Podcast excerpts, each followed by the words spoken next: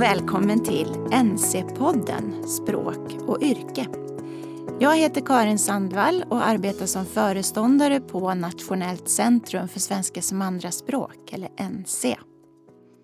Den här podden den handlar om elever som går en integrerad SFI och undersköterskeutbildning. Och den handlar också om de SFI och yrkeslärare som jobbar där.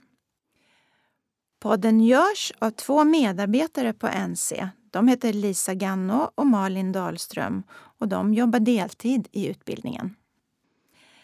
Podden den handlar om NCs arbete att testa ett arbetssätt eller en modell som vi har jobbat med och utvecklat under en tid. Och nu är det dags att testa modellen i skarpt läge i undervisning, i metodrummet och praktikplatserna. Så följ med oss! Lyssna på hur vi tänker, hur lärare och elever tänker och vad som händer i det här spännande utvecklingsarbetet.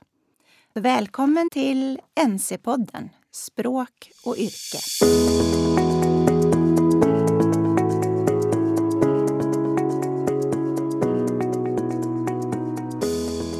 Jag heter Lisa Ganno. Och jag heter Malin Dahlström. Och idag i detta tionde avsnitt av NC-podden Språk och yrke så har vi två gäster här i studion eh, som vi vill hälsa välkomna. Det är Sara Källström och Ann-Kristin Lindberg som vi har arbetat med eh, på Åsö vuxenutbildning under hösten.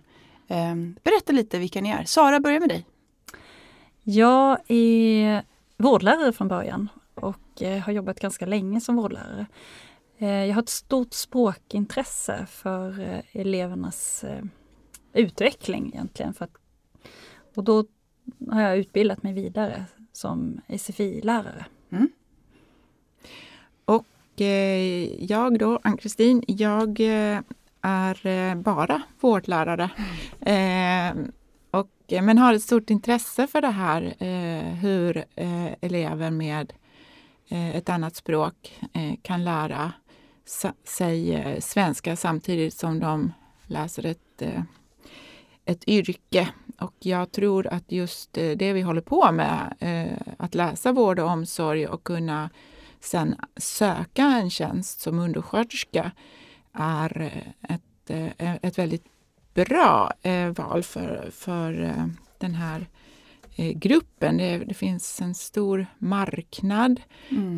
Det finns tjänster att söka och jag ser på de här studerande som nästan som arbetskraftsinvandring mm. därför att det är den här gruppen som kommer att ta hand om oss när vi blir gamla och det finns ett jättestort intresse hos mig att det ska bli bra för alla. Mm. Eh, att det ska bli bra för mig när jag blir gammal och att den här gruppen eh, som nu har kommit till Sverige ganska nyligen inte blir segregerade på arbetsmarknaden därför att de inte får en utbildning. Mm, just det.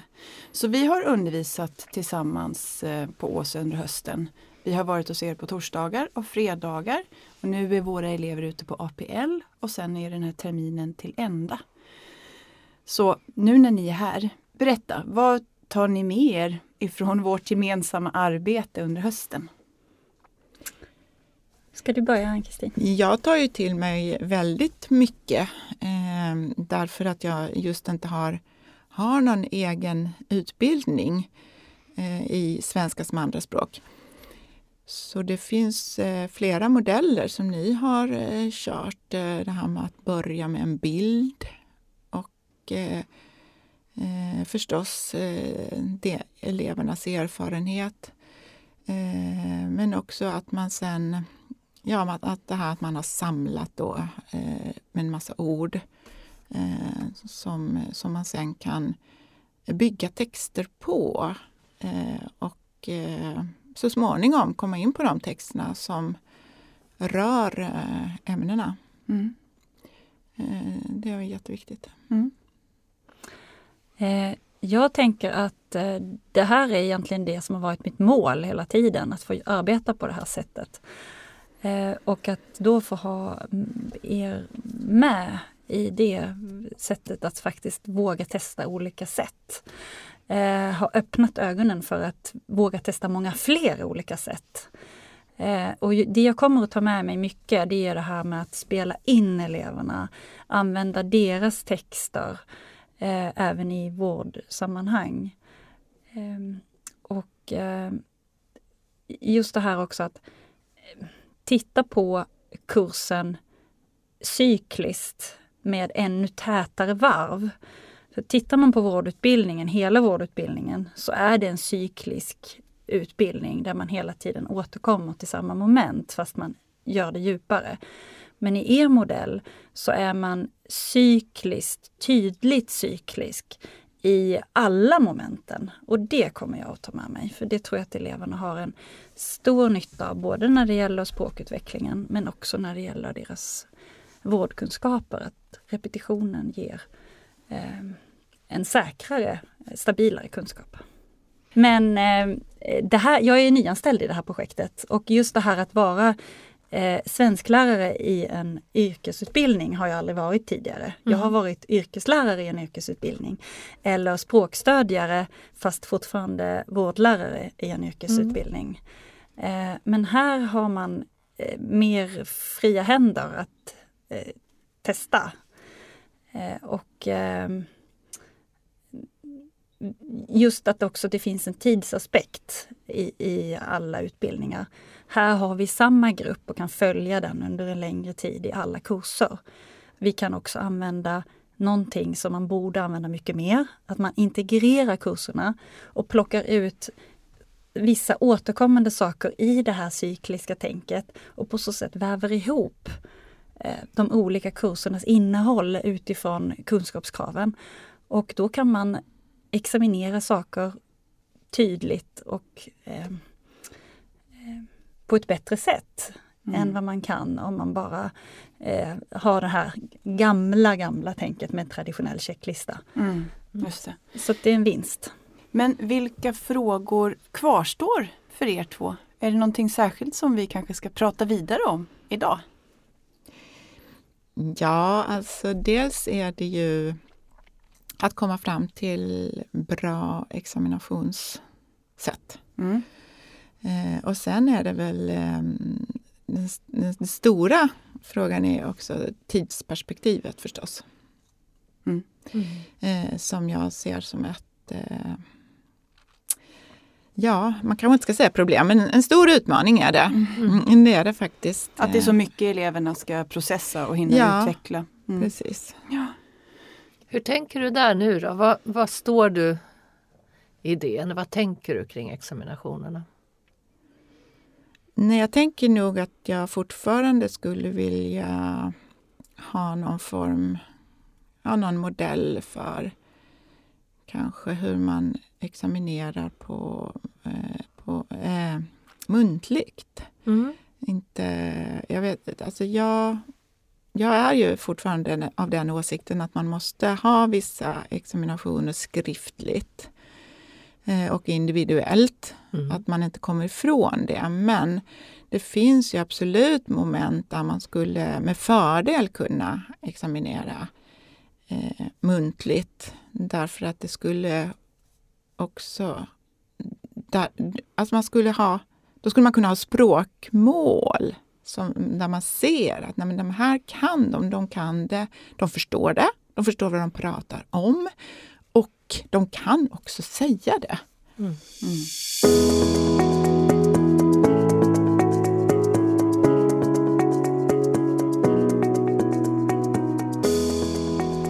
Hur kommer eh, APL att examineras?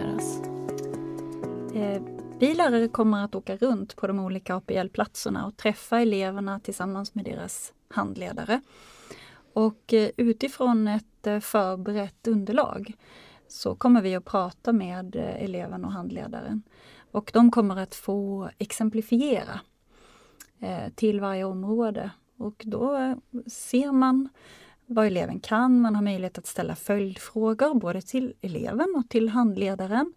Och är det någonting som är otydligt så kan man göra notering om det och ja, ta upp det igen efter att samtalet är avslutat.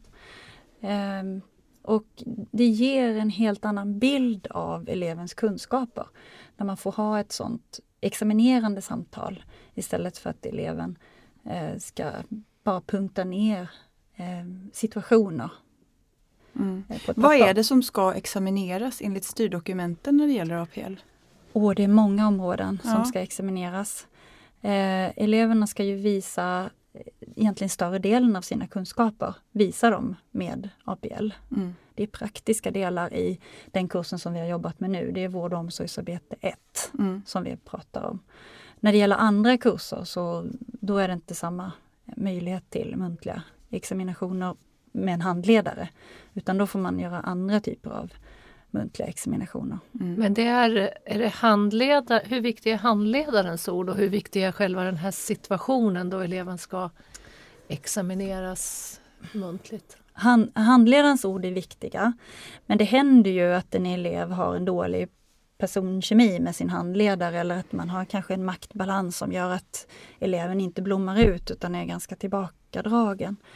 Eh, då får man ha lite fingertoppskänsla och man känner ju sina elever sedan tidigare och då kan man ha ett annat samtal utan handledaren efteråt Mm. och, och få eleven att eh, känna sig mer trygg.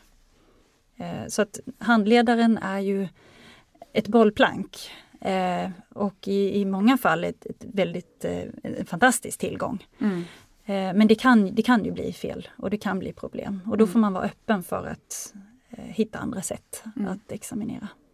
Men sen är det också så att de har skriftliga uppgifter till APL som, de ska, som ska examineras också. Ja, precis. Eh, Och de, det är väl lite de du tänker på, Sara, också? Att Ja. man ska försöka få in det här med eh, att de ska beskriva ett, något tillfälle när de har eh, varit, eh, när de har använt sin kunskap om ergonomi, till exempel. Eh, och de ska kunna ge exempel på när de har använt sina kunskaper om eh, etik Mm. och de här begreppen som vi har gått igenom teoretiskt men som de nu ska eh, genomföra praktiskt. Och då ska de ju visa att de förstår dem och det tror ju inte vi att de kommer ha några problem med eftersom vi har verkligen satsat på det teoretiskt. Men, men däremot så ska de ju liksom nu visa att de kan använda dem i en vårdsituation. Eh, och det är ju bra då att de kan ge exempel på det själva. Eh, men också att handledaren kan ge exempel på när de har använt det. Eh, så det, det gäller ju att de har en, eh, en aktiv handledare eller en handledare som är intresserad av att eh, visa vad eleven kan. Eh, I, I våra elevers fall är det också väldigt viktigt att handledaren är intresserad av språkutveckling. Mm. Att de förstår att eh, eleven kanske har kunskapen och kan genomföra momentet men kanske behöver stöd i hur den ska kommunicera med vårdtagaren. Och eh, ja, stött, stötta där mer kanske än i själva vårdsituationen. Och sen Mm. kan det ju vara en, en vårdsituation där det behövs stöttning i, bo, i båda fallen. Men eh, just språkstöttningen och vara vara öppen för det är viktigt hos, hos handledaren. Mm. Ja, vad är det eleven egentligen ska kunna nu på den här eh, första längre APLen som de är ute på? Eh, det handlar om att de ska kunna i bekanta situationer, alltså situationer som inte är nya för dem, eh, så ska de genomföra olika vård och omsorgsuppgifter. Mm.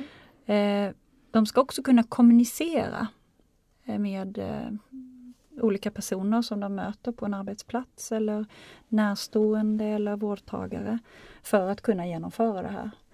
Eh, de måste också kunna reflektera över sig själva och sin egen kunskap. Eh, och där tycker ju både Ann-Kristin och jag att vi har haft stor glädje av det här eh, med era återkommande, och jag vill verkligen trycka på det, återkommande eh, metareflektioner. Där man har använt samma uttryck och eleverna har fått en mycket kortare startsträcka i sina reflektioner tack vare att de känner igen de här formuleringarna eller mitt nya favoritord, börjorna, som ni har använt. Ska vi berätta lite hur vi har jobbat kanske? Vi har ju i slutet av varje lektionspass så har vi Vi har skrivit upp också på blädder. Ja, de finns på väggen till och med. finns på väggen i klassrummet. Mm. Berätta, vad är det för börjor? Och eh, jag har lärt mig att det viktigaste var att jag behöver träna mer på att det svåraste var att... Har vi några fler? Jag tror att det är en till men nu kommer inte jag ihåg den heller faktiskt. Men de är väldigt bra. De är en stor eh, tillgång för eleverna. Mm. Och det är ju också så att det är ju ett av kunskapskraven så det, det passar så väldigt väl in att de har fått träna på det här förut. Mm. Och sen ska de kunna då fundera över sin egna eh, insatser och förmågor och eh, vad de kan och inte kan tillsammans med handledaren på en arbetsplats. Så att det här, eh, de här reflektionerna tar de med sig eh, ut på APL och har då en, en stötta kan man säga för att reflektera om vad de lär och vad som är svårt. Ja. vilka andra eh, stöttor har ni tyckt är viktiga att ge eleverna inför? Alltså vi pratar mycket om hur viktigt det är att stötta eleverna eftersom de har en dubbel uppgift framför sig. Som ni känner att det här är, Menar du i klassrummet? ja Mm. till exempel. Eh, ja, eh, vi har ju varit, eh, vi har tagit ut ord som vi tror att de inte eh, förstår. Att de får slå upp det på sitt eget språk. Eh, och att de eh, då får hjälpas åt, kanske som, eh, vad kallar vi det för? Språkkompisar. Ja. Mm. Eh, och att vi sen förklarar eh, vad ordet betyder och vi skriver in det i en hel mening på tavlan som de får skriva av. Eh, och så att de vet hur de kan använda ordet. Eh, och du Sara har ju gjort spel. De har fått välja ord så att det går att plocka in även i medicin Ja. 1. Ja. Meningar så att de känner igen med mycket börjor och mycket fraser.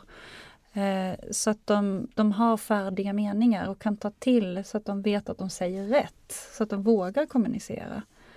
Eh, och att, att de inte säger fel. För att just det här vara ny situation på en arbetsplats och inte känna sig trygg i språket så vet man att man har ett antal standardfraser man kan ta till eh, och sen fråga sin handledare i ett annat sammanhang. Så, så kommer man längre och får en bättre kontakt från början. Mm. Mm.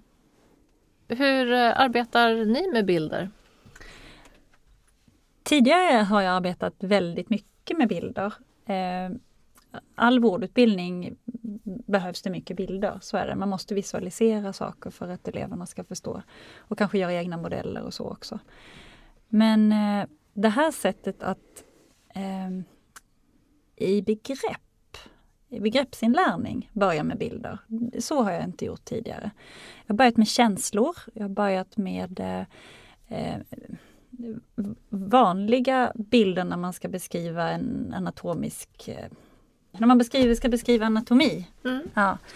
Ehm, eh, det, är- det är, så gör alla, höll jag på Mm. att säga, men det är liksom standard. Det ingår i kursboken också kanske? Att det är Mm. bilder på Ja, hjärta och lungor och Ja. alltihopa? Fysiolo- och, och fysiologi, Ja. hur fungerar det? Det är lätt att Ja.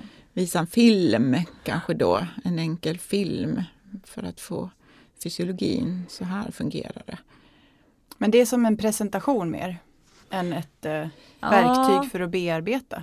Eller hur Nej. skiljer den här bildanvändningen sig Mm, från Nej, men man kan börja med bilden och se vilka förkunskaper har eleverna. Och så spinner man vidare på det. Alla, alla vet någonting om ett hjärta, alla vet någonting om lungor, alla vet någonting om en magsäck. Om man säger att det är en magsäck så, så har alla kunskaper och så kan man bygga vidare och ja, titta hur ser det ut inne i magsäcken. Och så.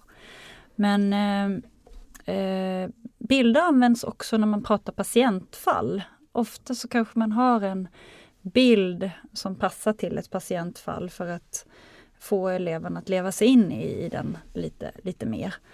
Eh, Eller om de ska göra egna patientfall så kan man ge dem en bild och låta dem bygga ett patientfall runt. Men allt det här eh, kräver ju att man har språket och Mm. att man har en förförståelse för en sjukdom.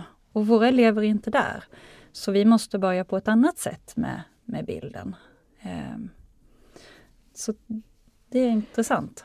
Man kan ju också använda bild eh, inom psykologin när man pratar olika perspektiv. Så kan man fråga, hur ser ni på det här? Då får man ett exempel på att det finns olika sätt att se på den här bilden. Om man ska gå ifrån lite den här traditionella sättet att titta på bild så är det också någonting. För vi jobbar ju mycket med att uh, ta bilder när eleverna är med och gör saker. Just det. När vi jobbade med tyngdöverföring och förflyttningar till exempel. Mm. Vad tänker ni om det? Ty tycker, tycker ni att det tillför någonting eller kunde man lika gärna ha en bild ur boken när någon flyttar någon? Det, det beror lite på. Um, det, det, är en fördel om det finns någon på bilden som hela klassen känner igen och kan beskriva att nu gör den här personen det här. Eh, men sen är det ju tyvärr så att det är många situationer där vi inte kan få en, en, bild. Vi kan kanske inte få en bild från när någon blir duschad eller tvättad eller matad. Mm. Eh, och då har ju, har ju vi gjort egna bilder och de, de har ju varit väldigt eh, väl använda och uppskattade av eleverna på många olika sätt. Eh, så att eh, jag tror att det finns en vinst i att eleverna har någon sorts engagemang i bilden. Men sen tänker jag också att våra elever har ett väldigt stort empatikapital. Och ser de en äldre människa på en bild som, ja, där de uppfattar någon sorts behov så kan de leva sig in i den bilden och beskriva vad den här personen skulle kunna behöva hjälp med till mm. exempel. Mm. Mm. Nej, men återigen det här lite med tiden.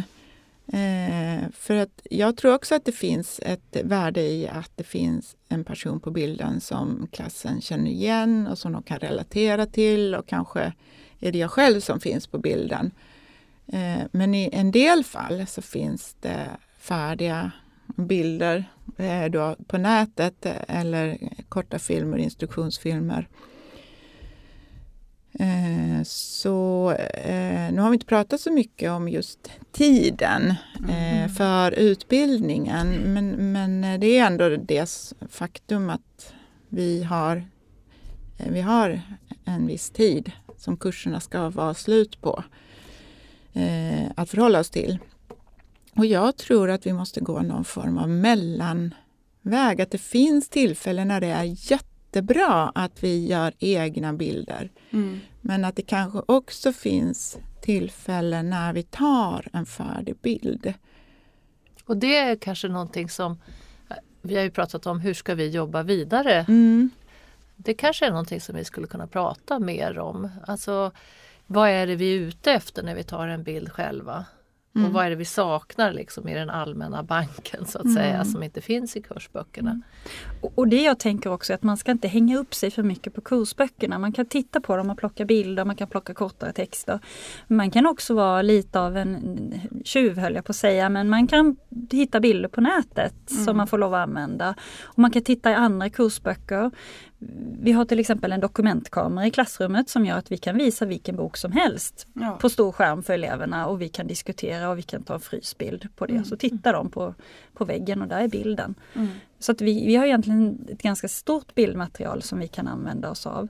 Sen tycker jag också att det är jätteviktigt att man knyter an till det som eleverna eh, i framtiden kommer att hämta sin kunskap ifrån och uppdatera sin kunskap ifrån till exempel 1177, vi har Vårdhandboken. Ja. Eh, och där finns ju fantastiska bilder och fantastiska filmer. Svenska, i alla fall i Vårdhandboken, på ett svårt språk. Men det är viktigt att de lär sig att orientera sig där, använda den, eh, det bildmaterialet och de filmerna som finns där. Mm. Om man till exempel tänker på, på ergonomi så mm. finns det eh, bra bilder för hur man förflyttar någon med korta instruktioner till. Och att om de i framtiden vill uppdatera sin kunskap så tror jag inte att de kommer att plocka fram sin gamla kursbok utan då hoppas jag verkligen att de går ut på nätet och tittar mm. i, i vårdhandboken. Att, att det är ett ställe för, för dem att söka ny kunskap. Mm. Ni har lyssnat på NC-podden Språk och yrke. Jag heter Ann-Kristin Lindberg. Och jag heter Sara Källström. Lisa Ganno jag heter Malin Dahlström. Vår tekniker idag var Henrik Nordgren. Vi spelar in NC-podden i Språkstudion på institutionen för språkdidaktik vid Stockholms universitet.